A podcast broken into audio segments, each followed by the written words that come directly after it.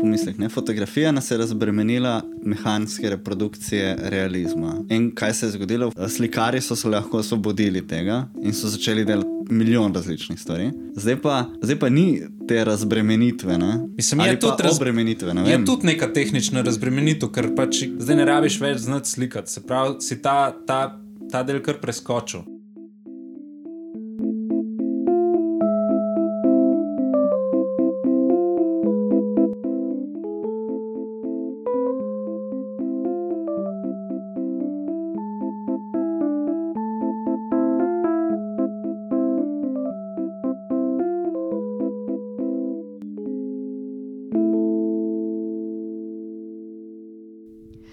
Pozdravljeni. Tole je drugi del našega pogovora o umetni inteligenci, intermedijski umetnosti in boste videli tudi ostalih pravnih, igričarskih in moralno spornih zadevah. Z nami sta še vedno intermedijski umetnik, fotograf in okoljski aktivist Nate Strampuš in doktor računalništva in informatike, strokovnjak za umetno inteligenco, mečevalec in milanguero Aljaš Košmrl. Lepo pozdravljeni. Poslušate kritiški posebej. Posladek! Posladek! Drugač, mislila sem tudi tako, recimo, ne, AI recimo, ni glih najboljši v kakšnih šalah, v humorju, v cinizmu in po tej logiki tudi v umetnosti do te mere, ne vem, aj sposoben um, razbrati ali pa napovedati kakšno specifično ikonografijo ali pa kakšne, kakšne reference pobrati. V bistvu sprašujem, kaj, mislim, ne, a, a je, kaj je zdaj z artom in umetno inteligenco. Pač jaz, bi, jaz bi tukaj rekel to, kar sem že prej, da jim ga jemati kot orodje. On ne bo nadomestil umetnika kot celote, vsaj ne še nekaj časa. Pač in, in jaz, jaz bi recimo raje potegnil usporednico s tem, ko je vem, prišel ven digitalni fotoaparat, ali pa nasploh fotografija, ali pa Photoshop, ali pa nekaj. Pač to je omogočilo, da umetniki so lahko začeli delati drugače. Pa ne vem, kaj je prišla fotografija ven, je to razbremenili slikarstvo, da ni bilo treba več realistično upodabljati, pa se je abstraktno slikarstvo razvilo, in tako naprej. In enostavno to je tudi neko novo urodje, ki bo spremenilo način produkcije, določene segmente pač umetniške produkcije bo ful pospešilo, um, ne bo pa kar nadomestilo umetnika, vsaj ne v celoti. Mogoče bo bolj nadomestilo neke, neke tiste. Um, tiste sfere kreativne, kjer je, gre bolj za obrtniške stvari, mogoče. Ne? Za ilustracijo ali pa nekaj. Jaz bi se tle mogoče kar še na Walter Benjamina navezal in na slovito delo In the Age of Mechanical Production, ki mislim, da je fur relevantno tudi s to novo tehnologijo. Um, ne toliko o tem, da zdaj, zato ker to dela nekaj AI, da ne bi bilo noter tako imenovane anime, o kateri govori uh, Walter Benjamin, ampak v bistvu bolj v navezavi tega uh, dostopnosti do nekih del. Ne? Ti praviš, zdaj sicer, da ne bo to nadomestilo uh, umetnikov, definitivno pa zapolnjuje neko nišo, ki je mogoče prej lahko umetnik zapolnjeval. Zdaj, če, go, če, se, če govorimo o tem, da ne moreš ničesar narediti, uh, ne more narediti ničesar sam, ampak še vedno potrebuje nekoga.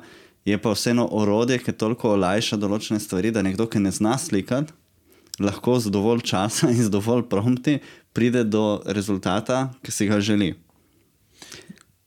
In, in posledično, recimo, če rečemo, da če se postavimo zdaj v ta nek um, uh, konsumeristično uh, okolje, v to, da delamo umetnost za konsum, za, za konzum uh, potem teoretično lahko nekdo se usede doma za računalnik, napiše mi journey in toliko in toliko promptov, najde tisto, kar mu všeč nese v tiskarno in se da lepo na steno. In, in zaobide katerega koli drugega človeka, še bolj zanimivo, tisto niti ni potem teoretično avtorsko, ne?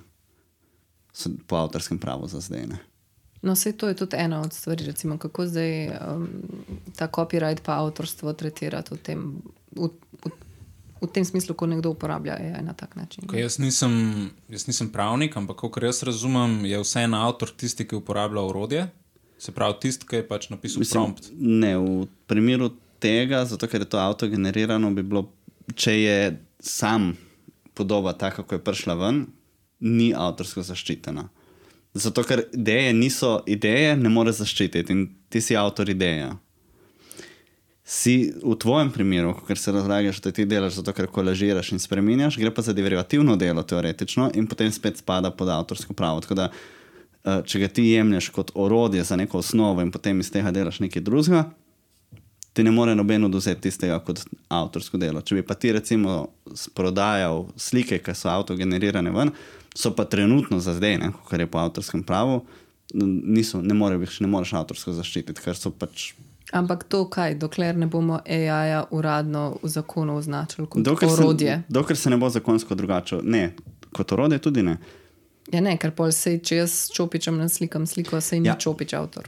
Ja, ampak če si ti slikar, ne, če se bom zdaj naslikal uh, vem, tega konja na tak in takem zadju. Če je to samo ideja, dokler nisi tega naredil, lahko nekdo te sliši na cesti in naslika to, kar si si ti zamislil in je narejeno ampak je on avtor tistega dela, tudi če je tvoja ideja od zadaj. Okay, ja, ampak če jaz natipkam noter njemu, kaj ne naredi? Si ti avtorica ideje, ne avtorica uh, same slike in ideje niso uh, avtorsko zaščitene. Okay, ampak tukaj je samo razlika v kao uporabi orodja s tem, da je pač. Orodje je nekje bilo fizično in narejeno iz lesa, Problem je, da je preveč šopalas, tam pa pač iz nul. Problem je, da je preveč avtomatizirano to delo od zadnje. To je tako, da bi ti ne prišel do neke mašine in stisnil nek gumb in bi se nekaj naredilo ven. Ok, ampak polje Mislim, pri fotki lahko podobno vprašanje. Ja, exactly, ja, točno to. Vse fotoaparat celo fotko naredi, pa traja še manj, kot da je AI naredi. Če fotoaparat naredi brez človeškega inputa, dejansko tista fotka ni zaščitena. Sedeš na avtomatiko, pa škljot. Ne, ne, ne, ti ponavadi kadriraš. Ne? Če bi pa delal brez kadriranja in brez vsega tega, teoretično potem ni avtorska zaščita. Okay, kaj pa če mi mi črni naredi sliko, pa jo jaz obrežem? To tudi ni. Kaj pa če da me sopici fotoaparat, pa ona naredi fotko za me? Ja, pa to je definitivno nisi ti avtor. To se je zgodilo. Ja, ampak to se je zgodilo. Ja. Ja. Ja, sam pač si ti tisti, ki si uh, naredil situacijo, da je bila ta fotka narejena. Drugače, kar se tiče no, za umetno inteligenco, je. Mislim, sej, ni... Jaz sem govoril z eno pravnico, uh mhm. -huh. no, pa, pa sem jo, pač mislim, da kako sem jo jaz razumel, no, da načeloma si ti avtor, no, iz vidika avtorskega prava. Zdaj ne vem, pa ne, ne bom pa zdaj čisto trdo. Pa veš, vse podoben je recimo lahko problem pri kolažiranju običnih kolažev iz papirja. Ima, to je, deve, to pravi, recimo, to je derivativno, derivativno delo. Ne? Ja, ampak recimo, veš, če jaz vzamem um, ne vem, neko grafiko od Eme Kobal, ja. pa izrežem še neki ven iz fotke od uh, Nejca, pa dam to skupaj, a veš, ne vem, pa to prodam za dva jurja. Ja, derivativno delo, to so posebej zaščiteno pod avtorskim pravom. Če greš zdaj iskati v slovensko pravo, boš dobila derivativno. Damo v zapiske. Ne, ker pač, veš, ker, ok, no, sej pravo, pa občutki ljudi ni isto, ne? ampak ljudje ne bi bili zadovoljni. Ne? Še posebej, če jaz recimo naredim nek tok minimalen poseg v delo, da je mogoče stvar skoraj neopazna in gre skoraj za kopijo. Ne? Ja, polje mora biti vse definirano, kaj je derivativno delo. Derivativno delo mora biti tudi spremenjeno, kot je že zapisano, pa pač mora pomenljivo spremeniti, če parafraziram. Ok, kaj pa če spremeni tehniko? Recimo, če je slika, pa jo ja? jaz fotografiram, pa jo sprintam, pa je fotografija to, sprintana tu je spet to spada pod avto, klasično avtorsko pravo. Zdaj imamo tak pravni posvet ja, ja. tukaj z Jrnejem, ki se v bistvu ne ukvarja s tem. Ampak, ja, ja, ja.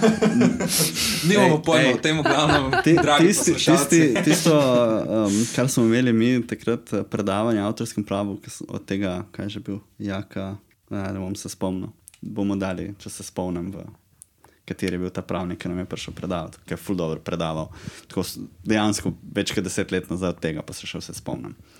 Ja, brez tega. Mislim, da se ni deset let, v desetih letih kaj spremenilo. Hodim, oziroma bi se skoraj mogel glede na ta ponavad, AI situation zdaj. Ponavadi hodim gledati potem še zakone. Ampak ne, um, kje smo ostali? Mislim, Mi smo pravniki. Meni se zdi, da, da so bili neki precedensi, kjer so kjer so se pravi um, zgodbe bile avtorsko zaščitene, ki so bile z umetno inteligenco napisane. Recimo, ni to podoba, je pa close enough. Ja. Z vidika procesa. Mislim, jaz verjamem, da v Ameriki bi lahko, da, da v Ameriki, glede na njihovo avtorsko pravo, se ja. ne bi čudilo, da je tudi vse, kar naredi AI, njihovo, njihova last. Oni imajo drugačno avtorsko pravo kot v Evropi. Okay, okay. To, tudi... ja, to, so, to, to so po mojem ameriški Ameriški ne, mislim, je, govorim, ja. ne vem pa točno specifika in kako, ker oni imajo potem še se, vse s temi patenti in ne vem kaj vse živo, ki je pač malo drugače. No, pa se recimo tudi, če ti, če ti AI napiše kodo za nekaj, kar ful dobro funkcionira in dela, in ti lahko pol to ne vem, v svoji firmi uporabiš in zaslužiš bolane denarce s tem. Ne vem, a je to pravno. Večina programerjev na neki točki pom- pomaga s tem, pa Torej, kaj se referenciraš na, na, na sisteme, ki delujejo podobno kot če GPT, samo da jim opišuješ pač program, program, programerski problem in ti vrže ven kodo, kar zna tudi če GPT. Um, Ja, vrž ven kodo, to se izkaže za genialno, inovativno, ful dobr, ful tako dobra navodila si mu dal, da ti on vrže ven nekaj revolucionarnega, kar bo na pol rešil svet Je- za tebe, ki boš to prodal in obogatil. In a si zdaj Glih- ti car ali Glih na tem področju je, je, je eden večjih problemov teh sistemov, ker, ker zaščita kode je, je pa pravno zelo urejena. Um, in užkle žbnjo enih uh, takih in drugačnih licensov, se pravi, stvari, ki so odprtokodne, ampak jih moraš zmeraj referencirati, in uno, in tretje, in četrto. Ne? Ti imaš zaston, sisti, zaston kodo na netu, ki jo lahko uporabiš, ampak moraš zmeraj napisati, da si jo uporabil. Zdaj na tej kodi, na tej javni kodi so zgrajeni tudi, je zgrajen tudi ChatGPT. In zdaj, če ti, če ti ChatGPT vrže ven nekaj, kar je bilo v bistvu že napisano tam, bi ti po zakonu mogel to referencirati, ampak ti tega sploh ne veš. Ne. Tako da kle, kle bo še vroče, po mojem, na pravnem področju. Um, in to je, kle bo bolj vroče, predvsem zaradi tega, ker je to malo bolj specifično in posledično malo drugače urejeno pravno kot normalna besedila, li- litera, literarna in podobno.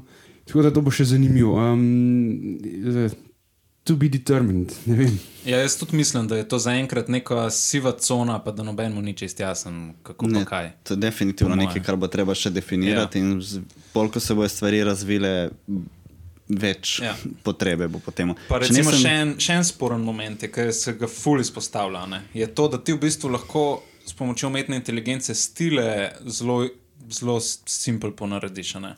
Se pravi, ti lahko napišeš, ok, da mi zdaj narediš nekaj v, v stilu nekega umetnika pač, in dobiš v njegovem stilu. Ali pa celo lahko neka bolj znana dela.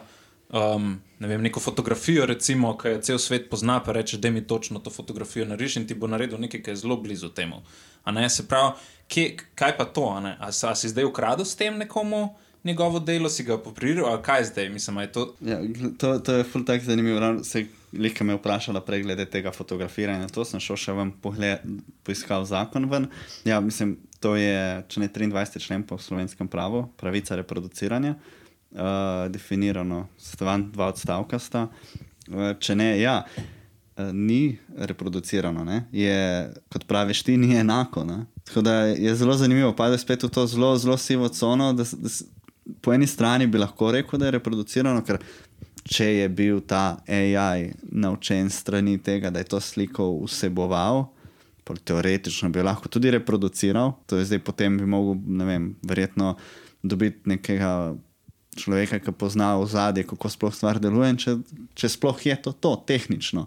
Ne, ker če tehnično ni kopiral in naredil praktično enako zadevo, pol je za zdaj dokaj jasno. Ja, ja. ajde, ali jaš tehnični Ajde. vidik. Čeprav jaz nisem čisto razumela, kaj si vprašal. Če zadevo ni reproduciral, ne, ker potem ni reproducirano, ampak je, de, kot češ, inspirirano.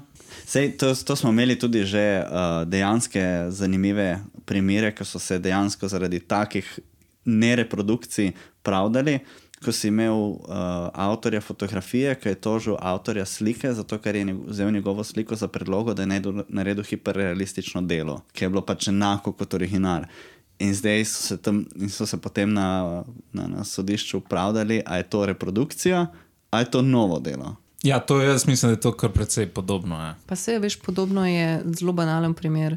Recimo, če imamo mi na koridorju eh, članek in hočemo objaviti reprodukcijo nekega dela, ampak to reprodukcijo je nekdo pač profesionalno fotografiral in zdaj pod to reprodukcijo ponavadi navedemo avtorja slike ali kipa ali Ja, whatever, mislim- in potem fotografa posebej, čeprav je lahko. Za kritiko je zelo enostavno. Ti lahko citiraš delo brez problema, če je v v prijavi kritike. Problem je, zato ker, kot ti praviš, ti ne citiraš dela, ti citiraš fotko dela. Ja, ampak veš, ti nikoli ne moreš po tej logiki dela citirati. Uh, lahko, kot si ti rekla, če je slika, ne in je tehnična reprodukcija slike, potem ti, m, gre za tehnično fotografijo, ki ni stvar avtorskega prava, ker je reprodukcija kot reprodukcija, torej citiraš delo. Ok, ampak so primeri, ko nimaš reprodukcije v tehničnem Ja, ja, smislu, se pravi, ampak ampak, če, če je kip, ne, potem ne moreš reproducirati tega v 2D. Ne? In potem si tam, da moraš imeti pravic dovoljenje avtorja fotografije, da lahko navajaš delo, ki je na fotografiji.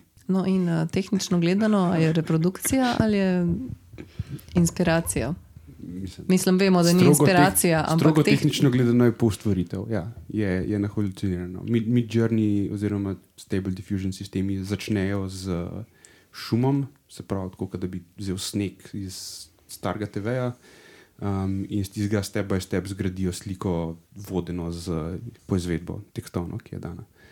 Zato- Ampak recimo bi potem rekel, da vseeno pa nikoli ne bi mogel AI narediti tako dobrega ponaredka, kot ga lahko naredi človek. Ja, ja, lahko naredi čisto 100% ponaredek. Mislim, tako, to je zdaj um, pač stvar dela tako, zato ker je, ker je mogla, to je pač tehnična realizacija tega, um, ampak ni, tle, ni dvoma, da, da to, kako se to zgradi iz, iz tega šuma, je pač narejeno, je klenot, je, so sprocesirane te slike. Um, zdaj so zakodirane v tisto nevronsko mrežo in tako naprej. Tako da kle, um, mislim, guess, da bo, kle, o, o, te- o tem bo še veliko tinte prelite, kaj zdaj kako, ampak zdaj, strogo tehnično gledano je, je sistem stvoril nekaj tako. Ampak zdaj vseeno govorimo o reprodukcijah v smislu, da mi to pač gledamo slikce na ekranu. Ne?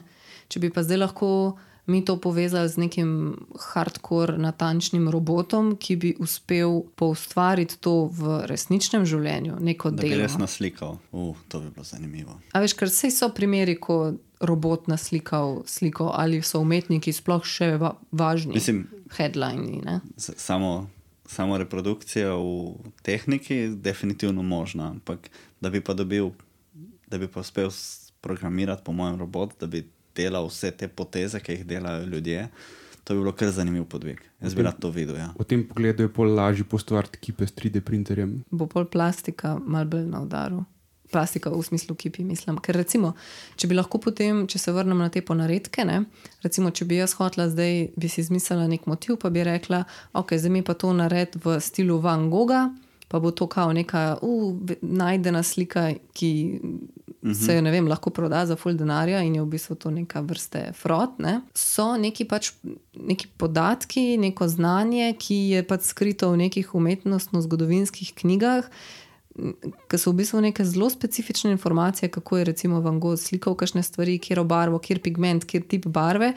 Pot, a, Pigment, ne? Krom yellow, ne, Ja. naprimer, ki se v bistvu um, iz tega vidika ne da pofejkati, ne, razen če ima ta robot na voljo vse. Pa mislim, da je lih Van Gogh uporabljal kromelo. Takrat je že bil krom Ja, ja, Ja, mislim, da ga je dejansko uporabljal. ja, medtem ko je Greko ne, ker je bil pred tem časom. Ampak, ja, a, razum, a veš, kaj mislim? Ne? Neka Ta, da bi tudi neko to plastičnost uspel zajeti, ampak glede na to, kje smo zdaj z AI-jem, se to ne zdi tako čuden, če bi imel on resurse do tega. Torej. Ampak zdaj smo mišli ful v neko fizično umetniško delo. Se niso vsa dela umetniška fizična, se imaš tudi Ja, ja, fotografija, am- je ja, digitalna, sej, pa moje stvari so ampak večinoma re- digitalne. Ja, ja, ampak naprimer, se mi zdi, da to um, pofejkati ali pa reproducirati se nam zdaj zdi bolj dostopno.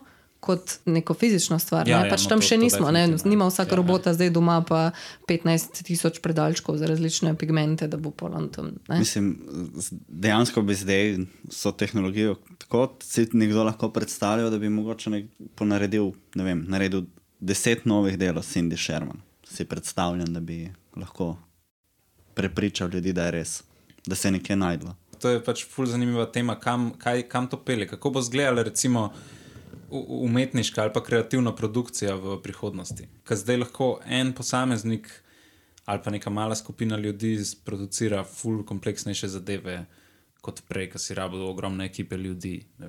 Kaj, kaj ko bomo enkrat toliko daleč, da boš ti lahko si film zgeneriral. Ampak itd. Kako, kaj bo, tako ne? Meni je všeč, ker nismo, ni, nismo daleč od nazadnje, ko se je tako zgodilo. Ne? Jaz mislim, da, da je zelo podobno, kar se je zgodilo, ko je prišla vam fotografija. Ja, definitivno. Jaz full usporednic vidim tukaj. Če, če, če ko, je- ko je prišla ven fotografija, predtem so se ljudje mogli naslikati, da so imeli svoje podobno. Če govorimo čisto o nekih praktičnih stvareh, nekaj stvari, ki so se dogajale. Ne? Ko je pa prišla fotografija ven, je pa ta zadeva ratala res instantna. In tudi takrat je nastalo ogromno teh nekih uh, pisanih del o, o, o vplivu fotografije, ljudi, ki so razmišljali o tem, kar se tudi zdaj dogaja. Je super usporednica. Ker z, mogoče za razliko od fotografije in zdaj je to, da zdaj mi imamo nekaj, na kar lahko gledamo nazaj, da se je že zgodilo in vemo, kako so ljudje takrat reagirali, kakšni so bili pomisleki in vse to. Medtem pa.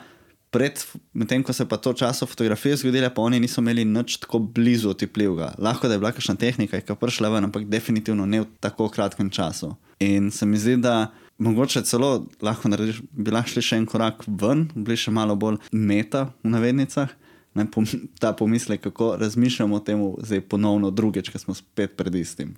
Ja, mislim, kar se je takrat zgodilo, je to, da se je razvil ful novih stvari, ful novih pri, pristopov umetniških in tako naprej. Kaj bo pa zdaj? A bo, a bo nam to tudi prenesel ful novih umetniških pristopov, ali nam bo v bistvu zamoril malo kreativnost, zaradi tega, ker bo ful lažje stvari delati? Ampak ja, tle imaš tle zanimiv pomislek. Ne? Fotografija nas je razbremenila mehanske reprodukcije realizma. In kaj se je zgodilo? V, v, v, mislim, slikari so se lahko osvobodili tega in so začeli delati milijon različnih stvari. Zdaj pa, zdaj pa ni te razbremenitve, ne? Zdaj je drug tip razbremenitve.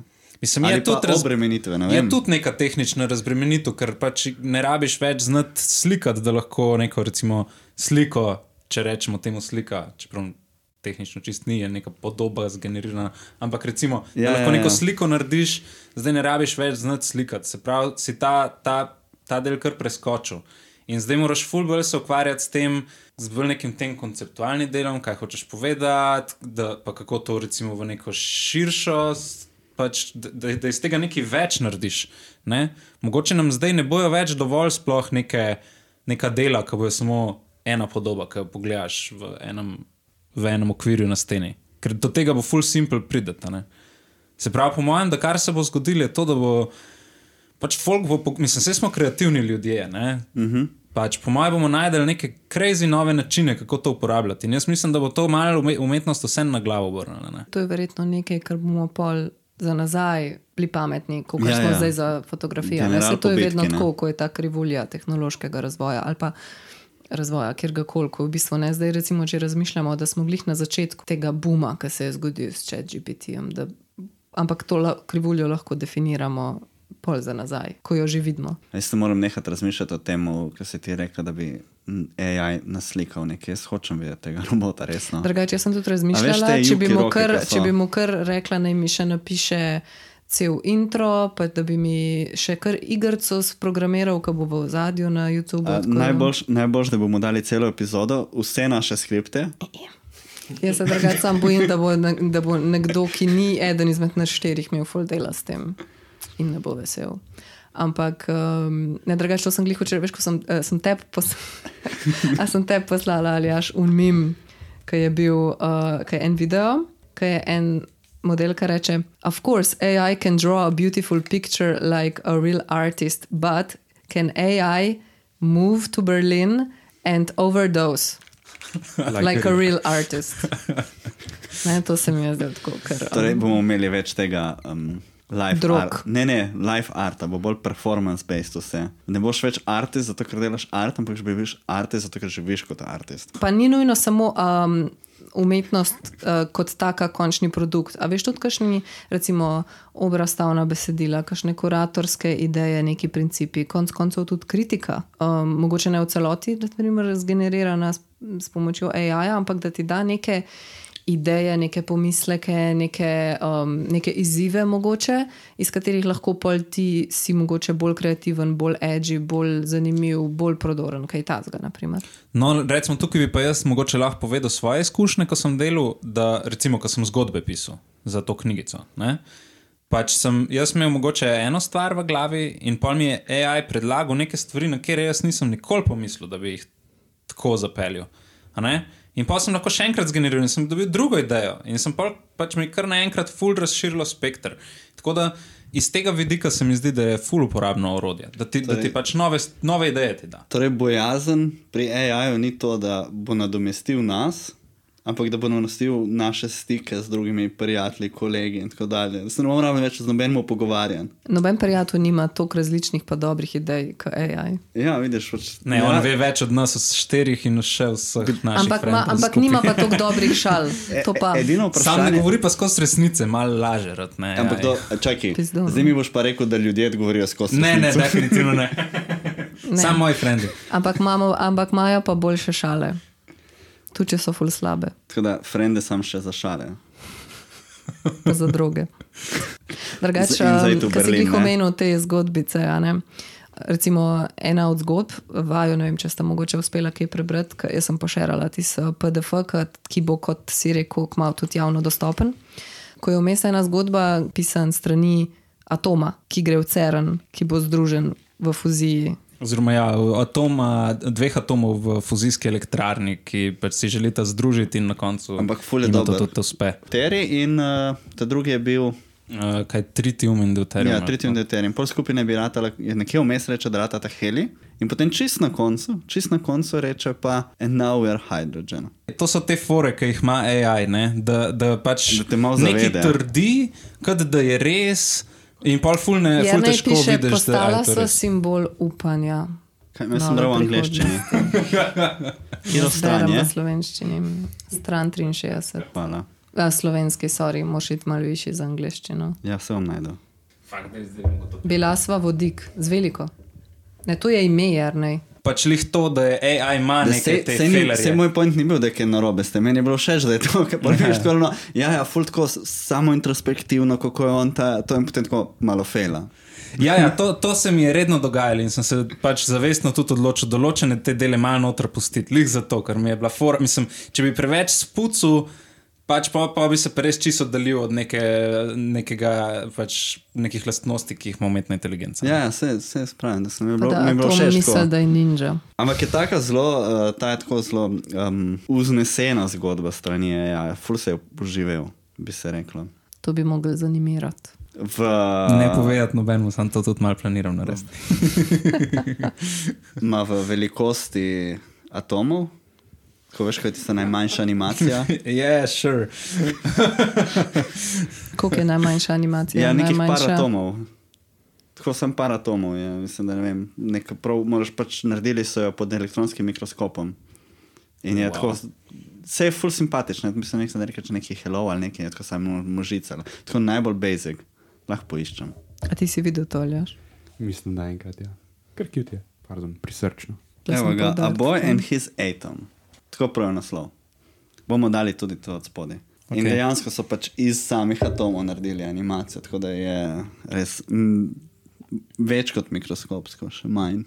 Ne vem, koliko koliko majhno je to pika, ne kam bi šlo, magnituda. Ali jaš ti moraš zdaj vse vedeti, kar je povezano z Ne, sem se matematiko, zavedal, fiziko, da- kemijo, računalništvom, vesoljem, vse. me- vse. Lahko rečem ja, ker se ne bo noben preverjal za mano.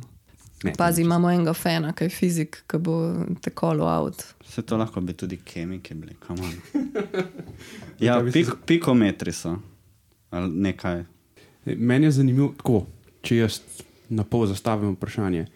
Ena, ena najpogostejših, recimo, temu, ljudskih kritik, sploh moderne umetnosti, ki smo rekli, da je, da je ta n- n- n- eh, umetnost, ki ni reprodukcija realnosti in pa dobiš abstrakcije in preproste geste in take stvari. Ena najpogostejših kritik, ljudskih kritik tega je, da ljudje to vidijo in rečejo, "Pf, to bi lahko tudi jaz naredil. Se ne da pa to res naredijo, ampak Tako, to, je, to je nekako ta, to je ta lajč, lajčna, lajčni metr kavice, da to, to, ni, to, ni, to ni nič vredno, zato ker je simpel narediti. kao. Zdaj, da se ta, to bi lahko jaz naredil, v resnici premaknil Na le, vse. Na, vs- na skoraj vse, vse ne znam vse. Ampak tako, ko se pa tle počutimo. Ja, jaz se počutim tako, da vse rabiš imeti nek kontekst in neko ozadje, ki je nabor nekega, nekega znanja, neke samokritike, neke haha inteligence.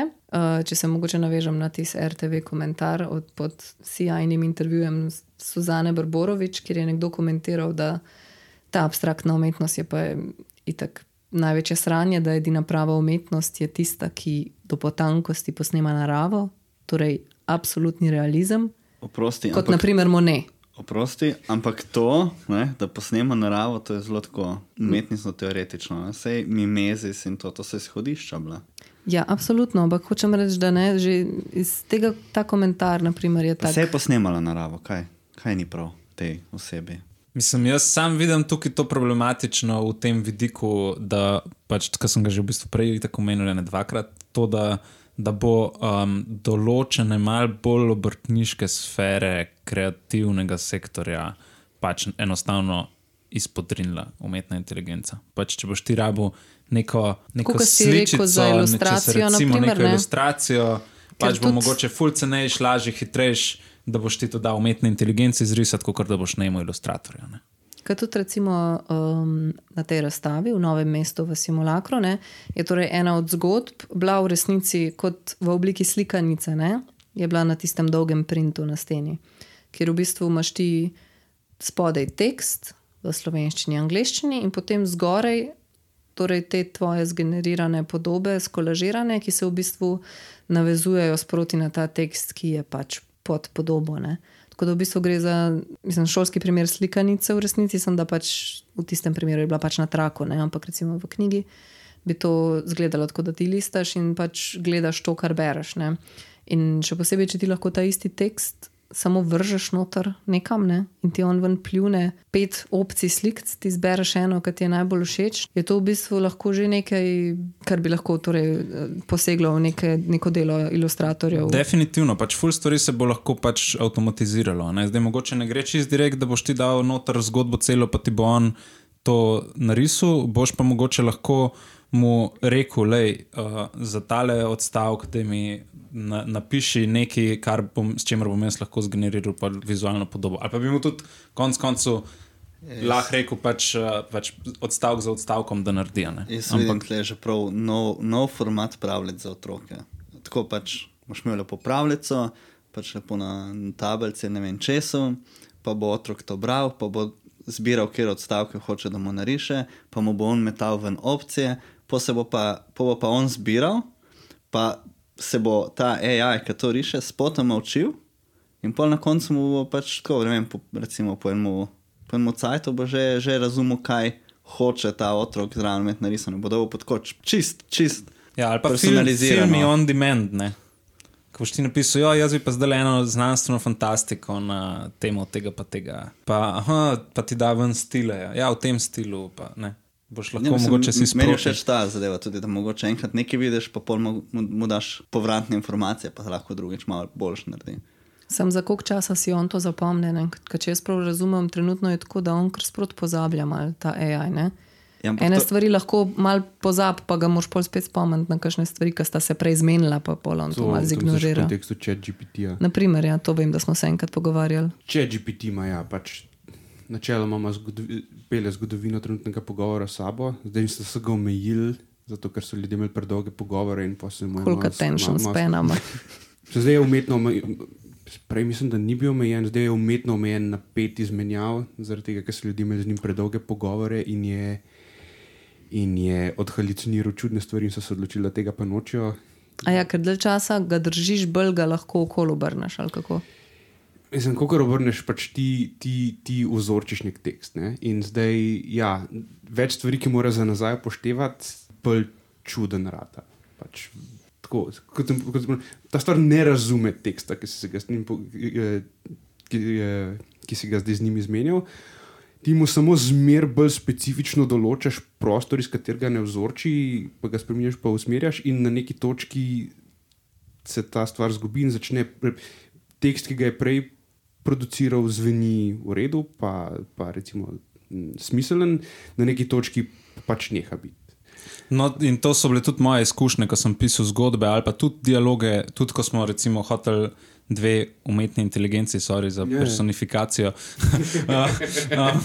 Ko smo jih hoteli, da se pogovarjata, se je slejko prej zgodilo to, da so neki džiberi začeli začel pač pisati, se pravi, kar neki znakci vmes, pač slovnično katastrofa. Pač enostavno ni več bi bilo besedilo berljivo. Ampak stvari bojo šle še naprej. tako da- Stvari bojo šle naprej, zdaj, zdaj kle, ko že napovedovati je težko, predvsem prihodnost. Um, ampak uh, stvari bojo šle naprej, zdaj, kle, če pogledamo mičke nazaj, ne vem, Photoshop je bil taka reč, ki je, ki je spet je, Photoshop je ena taka stvar, za katero ljudje radi rečejo, vse v Photoshopu lahko narediš pa kar hočeš. Ne. Zdaj, Meni je zanimivo, kako se je Photoshop od 5.5 do danes spremenil. to plus v resnici v Photoshopu ne Govorimo more- od 5.5, ki je bil že zelo napreden. Tako. Ampak v Photoshopu ne moreš narediti česar koli. Oziroma, če že, pa moraš o tem hudo veliko vedeti. ne. Ja, mislim, lahko narediš kar češ, samo moraš znati. Moraš znati. tako. Sk- Skratka, tudi ta, ta, ta obdelava, eh, elektronska obdelava, digitalna obdelava slik je, je neka spretnost, ki je težko polno pa tretje.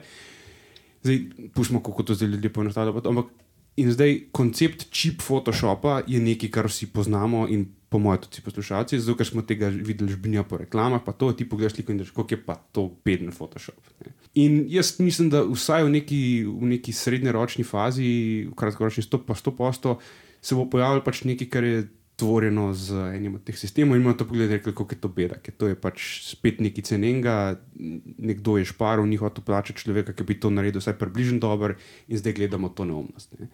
Tako pač neka ceni, za, za ta low level cenen, cenen del, kjer je pomembna samo cifra, ki jo plačajo ljudje, bo to 100%. Ampak bodimo iskreni, tudi pri samih dizajnih in vseh teh stvareh, priješ daj tudi kaj jim vidiš. Pa je naredil človek in je lih tako. 100%, ampak od- ta človek je jedel od tega. Ne? Ja. Um, mislim, tako, to, to, to, je, to je trenutno, z, z socialnega vidika je to trenutno najbolj boleče. Mislim, ne. pač potreba je tudi po takih. Uh, Potreba je po tem, ampak zdaj je to hranilo eno, eno grupo ljudi. Ali pa to, tisto, kar se rado podarja, da so to pogosto bili te entry-level službe za ljudi, ki so mm -hmm. pol pač res zrasli v vrhunske dizajnerje in tako naprej. To je ena bolečina. To je zanimiva perspektiva. Zdaj. Zdaj, če recimo rečemo, da bo AI pobral vse to, kar je low level entry, ne, pol bo samo vstop v trg skoraj nemogoč. Tako se za, recimo, za, za pro- tako kot je Maša prej omenila, podobno se da eh, tvoriti kodo. In se spet govori, da se pravi za vse te osnovne naloge, pa simple stvari, pa preproste spletne, spletne rešitve, pa to, to lahko zdaj en, en stroj ven vrže in bom, ne, kar naenkrat spet to, tam, kjer ti ponad začneš kot študent ali pa nekaj takega, tega zdaj ni več in spet kje boš ti nabral izkušnje za to, da boš. Tle, v resnici ne vem. To bo, to bo čudno obdobje, ki se bo, mislim, sej, ljudje bomo česa preživeli, nekako se bomo navadili, to še na vse smo se, ampak uh, ta del je trenutno tisti, kjer je, jaz mislim, da največ skrbi. To pa v pač tvorjenju fake newsa, pa, pa phishinga, pa take stvari. Ampak tako, uh, se, kle, kle, to je ta najbolj. To je Nekak, to je najbolj boleče področje, in tle ne vem, bomo videli. Ampak Mene nekak- za, mene za fake news ne skrbi, da bi to pobral AI. Tukaj se mi zdi, da imajo pa ljudje ful preveč želje po tem. To, bo, to ni, to ni da, da bo to nastajalo zaradi potrebe, ampak prav zaradi tega, tako kot marsikdo ustvarja zaradi ustvarjanja samega. No. Pač za phishing, po mojem, je problematično. Ne? Se pravi, um, pa, pač scamming in to. Mm -hmm. Ker, ker fora je, da zdaj, ko imaš te, te čete, sploh recimo čet GPT, ti, ko se z njim pogovarjaš. Tako redko kdaj se izda, recimo, da nisem no, odvisen, kaj se pogovarjaš, valjda, ampak pač ne, ne skapiraš ga zelo hitro, da ti ne govoriš s človekom. Ne? In, Ampak- in na tak način je pol ful lažje ljudi zavest, pa jih prepričati, da Sam- ti nekaj plačajo ali pa nakažejo denar. ali Pa, Sam you to know. je zanimivo, ne? ker uh, v resnici za vse ta phishing in za vse te stvari, ne, ne vem, koliko, če si opazil, ponovadi so stvari naljaš narejene malo slabo. Tako da, če, si, če mičken paziš, ali vidiš, da je nekaj sformatiran na robe, pa ne bi rablo biti, ali je nekaj tako, lih, lih to, da je uno. Mičken drugače, kot bi moglo biti. Lih zadnjič smo dobili nek tak uh, iz kao Facebooka, da, da se je nekaj zgodilo. In mislim, se moraš potruditi, da sformatiraš drugače, kot bi bilo na Facebooku. Ker moraš, pač, če hočeš imeti nek tekst v nekem čudnem boldu, se moraš potruditi. In, mi, in logika za tem je, da ponavadi tisti, ki hočejo skemati, na laž naredijo malo slabo, zato da se primejo samo tisti, ki so bolj naivni. Tako da v bistvu ne sme biti preveč dobro vse skupaj. Ja, ma, mogoče bi se zdaj izkazali, da Ki bi šlo tudi v AI-jem bi, pa- bi pa vsi šli. vse lahko skemamo pol. Ful cool. Veš kaj, meni se je tudi zdelo zanimivo, ker um, ko smo prej možnosti. govorili recimo, e, okay, AI v umetnosti, mi smo zdaj ful govorili o, nekem, o neki vizualni umetnosti, o neki intermediji. Tako. Ampak, naprimer, pisanje romanov. Že zdaj imaš ti um, neke pisatelje, ne vem, če vzameš Kinga, ne, ko ima neko skupino ljudi, ki v bistvu skoraj na pol piše romane za njega. Ker se te njegove romane se pač štanca, in, in je splošno znano, ne, da to niso knjige, ki jih je on besedo za besedo vse sam napisal. Ne. Tako da zdaj bodo še te pisci postali obsolit, ker zdaj bo pa lahko to napisal v resnici AI. Na neki točki pa romani več niso tako dobri, sploh da bi lahko AI do te mere zafrknil, da bi se to videl, ali pa da bi bilo to mogoče frowned upon, ali pa kakšnega Murakamija, recimo, ne? ko je v bistvu vsaka knjiga isto, je ista. Tukaj je, zdaj- sorry, zdaj malo ma, ma, mal moj hate. Ampak, a veš, kaj, a veš, kaj hočem povedati? Ko recimo eh, to delo AI-ja bilo skoraj bolj nelajkano pri vizualni umetnosti kot pri kakšnem uh, romanopisju. Mislim, če že zdaj imamo ghostwriterje za kakšne stvari, se mi ne zdi čudno. No, vse zato, sem zdaj bodo še ghostwriterji ostali brez joba. Typical jobs. Ja, po drugi strani bojo pa te ghostwriteri lahko vzeli umetno inteligenco, pa sami naredili cel roman. Drugač bistvu bi rabili full dolg časa, dogaja. ampak tako bojo pa lahko pafne. Sej to je to, kar sem prej rekel. Kar naenkrat bojo mogoče po drugi strani neke male skupine ljudi ali pa posamezniki lahko ratali resna konkurenca nekim velikim produkcijam. Sam, zdaj pa pademo spet v ta problem. Te, že tako smo ful bolj produktivni, kot smo bili.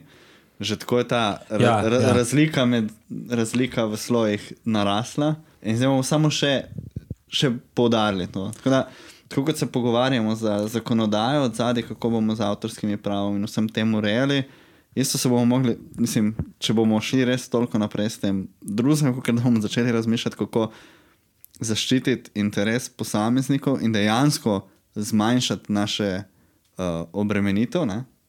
Ne zdaj, da bomo delali isto, pa naredili štirikrat več. Pa, Ja, ampak nažalost se to ponovadi zgodi. ne. To, Ja, sej, to o tem sej. govori Jevonov paradoksa. Ne? Ker isto recimo, ko se je. Um, s tem, ko se je učinkovitost nekih strojev v zgodovini, recimo parnih strojev, in to izboljševala, ni zmanjšal, koliko premoga smo mi skurili. Povečali je, zaradi tega, ker pač je to toliko bolj uporabno orodje. Ratalo. zdaj se vrnemo lahko In- nazaj na temo. Uh, In ja, no, sam hotel sem reči, to, ja, ne? točno to, da, da to je pa en vidik, ki mene skrbi umetna inteligenca, da bo pospešila produkcijo, vse to si ti že načel. In to je pač ima vpliv tudi na okolje. Pač to, da, da, da je produkcija prehitra znotraj našega sistema in kapitalizma in hiperprodukcije in tako naprej, to je v bistvu glavni razlog za to, da smo, kjer smo. Mislim, lahko bi pa šli malo s premislekom, pa z malo socialne spremembe, pa bi dejansko manj delali, pa isto proizvedeli. Ja, in tako bi mogli začeti razmišljati. To mogoče zdaj imaš že temo za naslednji projekt, ki bo intenzivneje vključeval umetno inteligenco. A hočeš reči, da moram zdaj deset mesecev noč delati, pa samo uživati?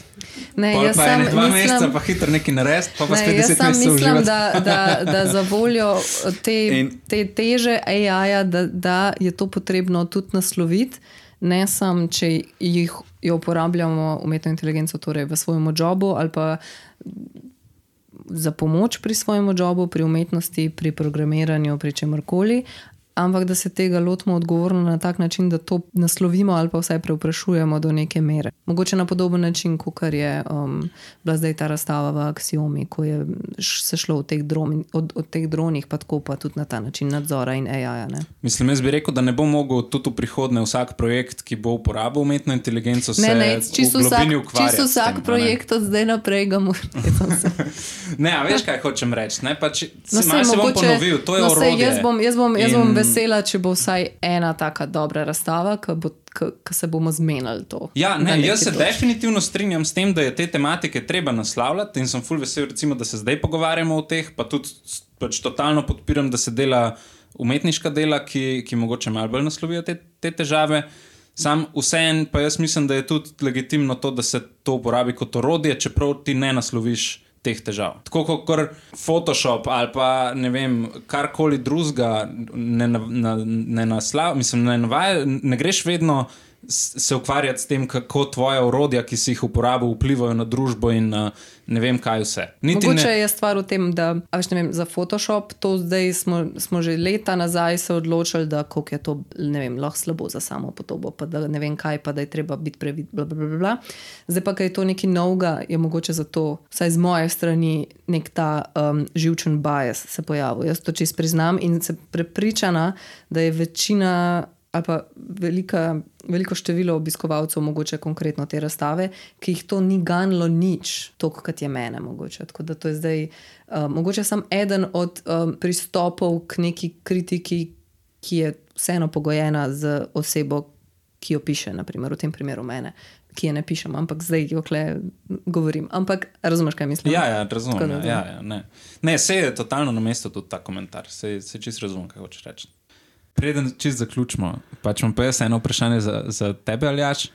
Um, tako še ena bojazen, ki se jo, pa, mislim, ki kar razsaja med ljudmi v zvezi z umetno inteligenco, je to, da kaj, če bo postala pač zavestna in če se bo odločila, da ona pa nas ne mara ali pa kakorkoli že, da se obrne proti človeštvu, a se ti zdi, da je neka taka nesreča, recimo, temu možna, ali pa tudi, tudi če ne postane zavestna, da, da pač malo skrene po svoje. Mislim, namreč umetna inteligenca se ne uporablja samo za pisati besedila, pa slike delati, ampak se uporablja tudi vem, v vojaške namene in tako naprej. A misliš, da se lahko zgodi kaj res slabega s tem? Zdaj, kar se tiče samozavedanja, pa podobnih relativno znanstveno-fantastičnih znanstveno scenarijev, mene vsaj zaenkrat niti najmanj ne skrbi. Ti sistemi so, kako bi temu rekel, kognitivno izredno oski. To je to tle v nekem razmišljanju ali pa uh, čemu takemu ni, ni res govora. Um, ne glede na to, da te pač površinske, površinske so ti rezultati izredno uh, um, impresivni in so uporabni. Mislim, te sisteme se vsekakor da uporabiti za marsikaj, ampak to Tako da iRobot ali pa Detroit Become Human, to ni ne, ne, na vidiku. ne, ne niti najmanj.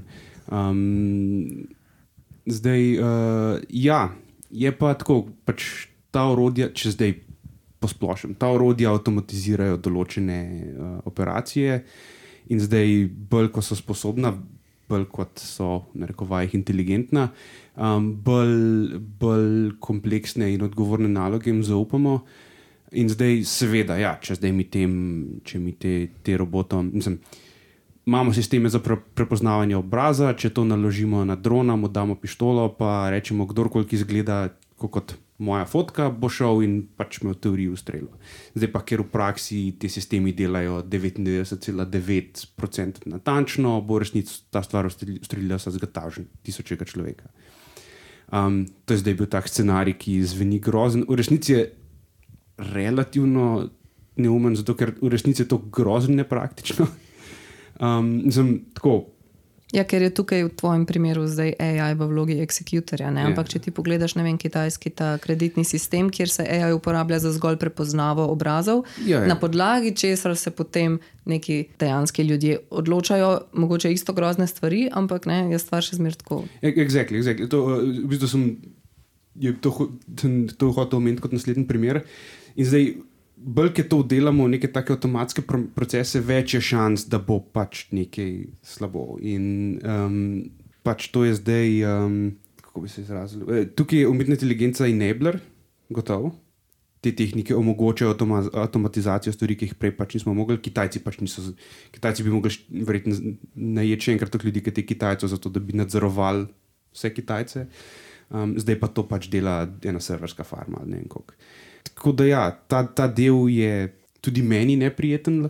Tako, Ampak ni- ne, recimo se- na, po drugi strani v nekem zdravstvu, ne? neke te diagnostika, ne vem kaj, ro, pol, robotika, pa tako pri eh, operacijah, pa to ne. To pa, Ja, ja, ja. Na, na enak način, kot ti lahko prepoznavaš obraze in jim slediš in jim, del, in jim loviš social score, lahko pregleduješ uh, rentgenske posnetke, pa loviš rakave, pa loviš sence, ki bi lahko bile tumori in take stvari. Tako da, pač, na koncu tako, kot je neč že stokrat rekel. danes. To, to so orodja, ki jih pač zdaj delaš. In tisti, ki jih ušraufaš, tisti bo, tist bo pač tekel. Zdaj, koliko dobro bo tekel, koliko hitro bo tekel, koliko je možnost za napake, pa take stvari. To so pol tehnične podrobnosti, ki so res tako za umetno inteligenco, tako kot za motor na notranje izgorevanje. Um, tako da je treba veliko skrbi, veliko tehnične skepse, veliko preverjanja. Um, ampak v tem pogledu v resnici to ni nič drugače kot ja, ki smo zgradili avto. Se je, se je bilo treba ogromno stvari nagruntati, pa v zakon. Tisti minus je, da danes pač to teče, mogoče malo bolj hitro. Pa, pa še, zdaj dote, še zdaj dodelavamo avtomobile. Pa še zdaj dodelavamo, pa jih spremenjamo, in tako naprej. Zdaj, v luči, v luči tega, če hočemo biti, zdaj, je res, da vsak, če hočemo biti pozitivni, vsaka stvar, kjerkoli to pospešuje, ta negativen aspekt, bi v resnici lahko pospeševal tudi kontraakcijo. Ne? Um, orodja bi se dal, ta orodja bi se dal kreativno uporabiti, zato da bi pospešili, kako hitro se gradi zakonodaja okoli tega. Ne. Spet v službi človeka, pod nadzorom, pa to, ampak zdaj, če je problem to, kako hitro predelati vse, kar se dela, zato da se, zato, da se lahko zgradi, um, zato da lahko spiše zakone, potem ti lahko mogoče umetna inteligenca predela vse načine, kako se danes uporablja če GPT in ti pomaga zlistati in ti pomaga oblikovati zakon, ki bi naslovil neke negativne stvari. Spet kot orodje, ne, ti, ti zgenerira, ti opozori na aspekte, ki si jih mogoče pozabil, te, te opozori na negativne efekte, ki bi to zakon lahko imel. Tako da zdaj to bo. To, To bo zdaj pač tekel. Bolj bi rekel, da je, da je pač pospešil obe strani, res je in, in ne bila vse. Zdaj je na nas, da to ponudimo tako, da bo, da bo prav. Sama posebnost pa umetna inteligenca ne bo fentala. To. Obstaja nek um, full zabaven video na YouTubu, ki ga je naredil Exerbia, če kdo pozna tega.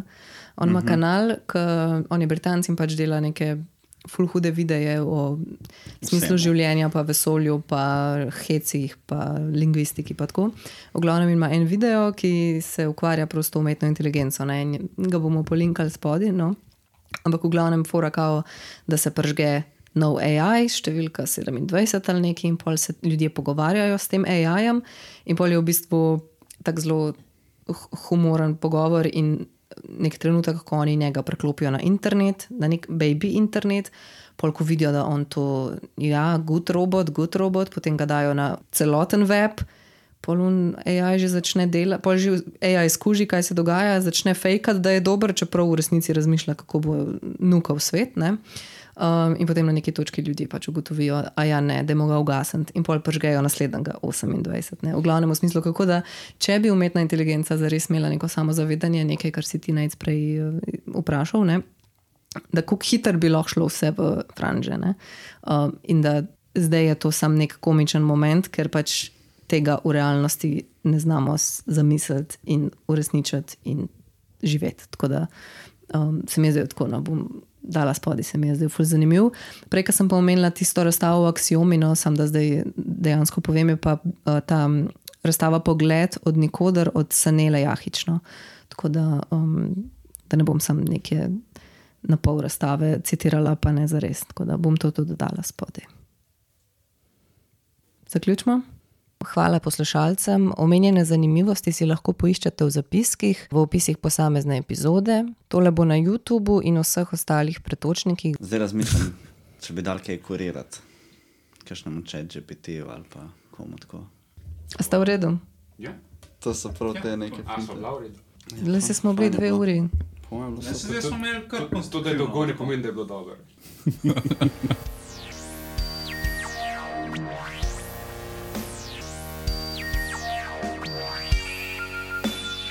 Zakaj so kuratorji skozi oblečeni v črno? Ker imajo črn smisel za humor.